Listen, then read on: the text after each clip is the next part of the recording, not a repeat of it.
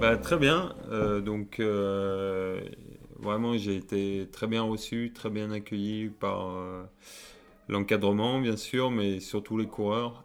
Ça s'est vraiment très bien passé dès le début. Donc, ça, j'étais vraiment content parce que c'était peut-être pas ce qui m'inquiétait le plus, mais comme je l'ai dit à, à Père bah voilà, avant je, j'étais leur compétiteur euh, peut-être numéro un, et donc euh, passer de l'autre côté aussi rapidement, c'est sûr que c'était pas évident, mais j'ai essayé vraiment de leur faire comprendre que j'étais vraiment à fond avec eux maintenant et que voilà, c'était leur succès qui m'intéressait. Donc je pense qu'on a vraiment eu un bon début, donc maintenant il faut, faut, continuer à travailler.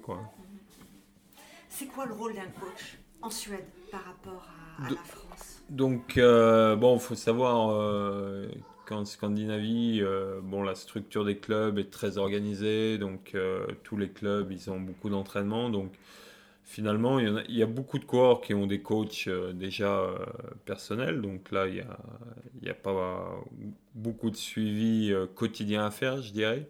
Mais par contre, ma mission, bah, ça va être la préparation, par exemple, des championnats du monde, des Coupes du Monde, donc toute la préparation des stages de l'équipe de Suède. Donc c'est moi qui, suis en, charge. Donc ça, je passe beaucoup de temps là-dessus. Et donc voilà, après, j'ai beaucoup d'entretiens individuels avec les coureurs.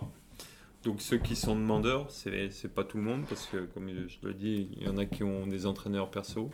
Donc voilà, donc c'est vraiment d'essayer de les développer pour qu'ils soient meilleurs quoi, de, de toutes les façons possibles quoi. C'est ton premier boulot en tant que coach, hein, je crois. Ouais, exactement. Ben, moi, en fait, euh, j'ai fini mes études euh, avec un master de biologie donc en 2004. Et puis, comme euh, je venais d'être champion du monde, j'ai pu assez rapidement être professionnel entre donc, 2004 jusqu'à l'arrêt de ma carrière. Et donc là, c'est le, le, premier vrai travail que j'ai à 100%. Donc. Donc, euh, donc c'est un contrat qui va jusqu'au 31 octobre 2018. Donc ça, c'est quelque chose qu'on avait bien discuté parce que donc de la part de la fédération et de mon côté, donc de la part de la fédération parce qu'ils ne savaient pas si je pouvais, si j'avais les compétences et si j'allais être euh, à même de mener l'émission, et puis surtout de mon côté aussi parce que voilà, je ne savais pas si ça allait me plaire. Donc là, c'est vraiment euh, les questions que je suis en train de me poser, de savoir si, si c'est vraiment euh, ce qui me plaît et ce, qui, ce que je veux faire euh, pour les prochaines années. Donc, donc voilà, donc il y a vraiment zéro stress quoi, si, si ça s'arrête fin octobre 2018. Et, je pense que sera, tout le monde sera content et, et on partira sur d'autres choses. Est-ce que la langue, le fait que tu ne parles pas le suédois, est-ce que ça pose un problème? Alors, oui et non, parce que euh, d'une certaine façon, euh, bon, c'est.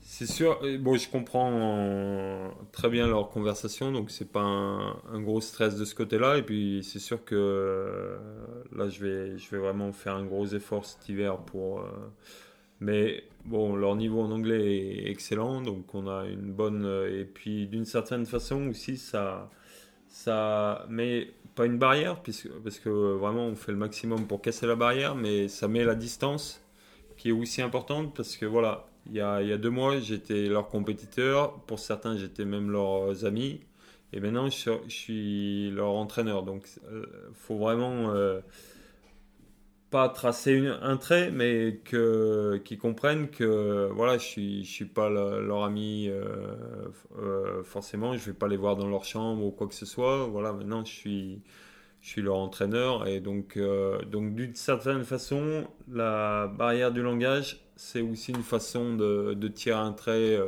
voilà, quand ils me parlent en anglais, là on est au boulot quoi. Est-ce qu'il y a une différence entre la façon dont toi tu as été coaché et le coaching d'aujourd'hui?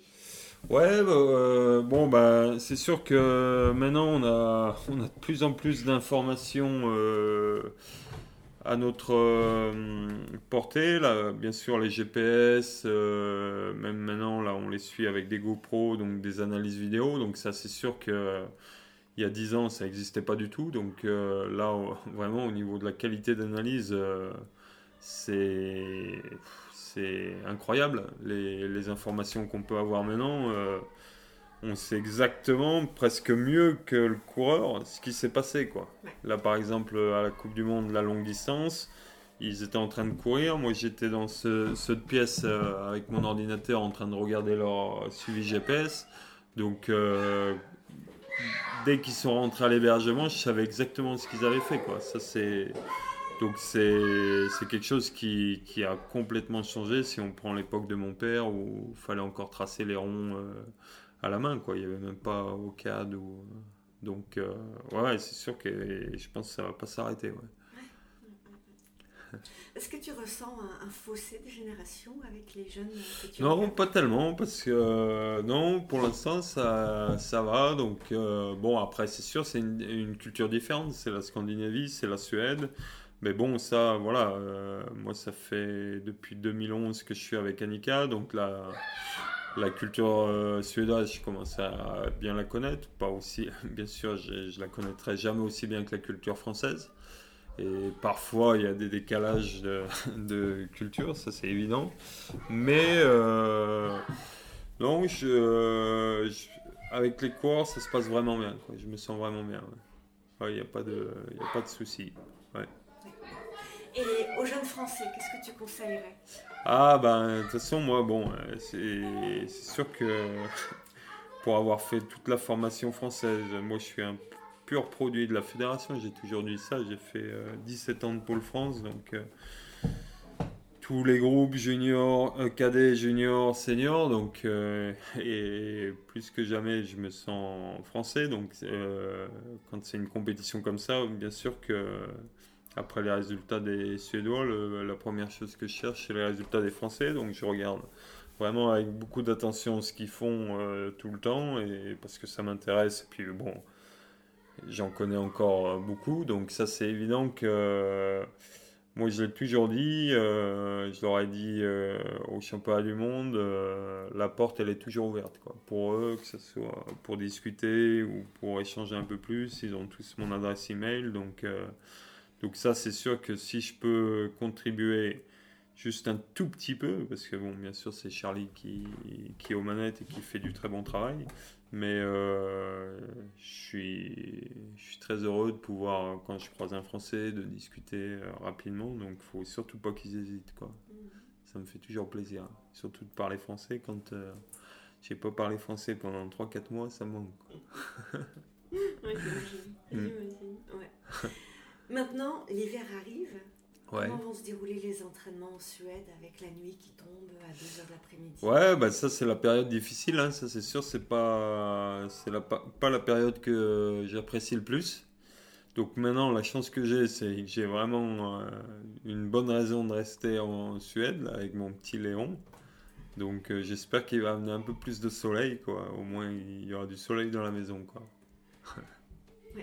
Et c'est sûr que c'est difficile. L'hiver en Scandinavie, c'est pas, c'est pas le bonheur, mais bon. Et la prochaine grande course?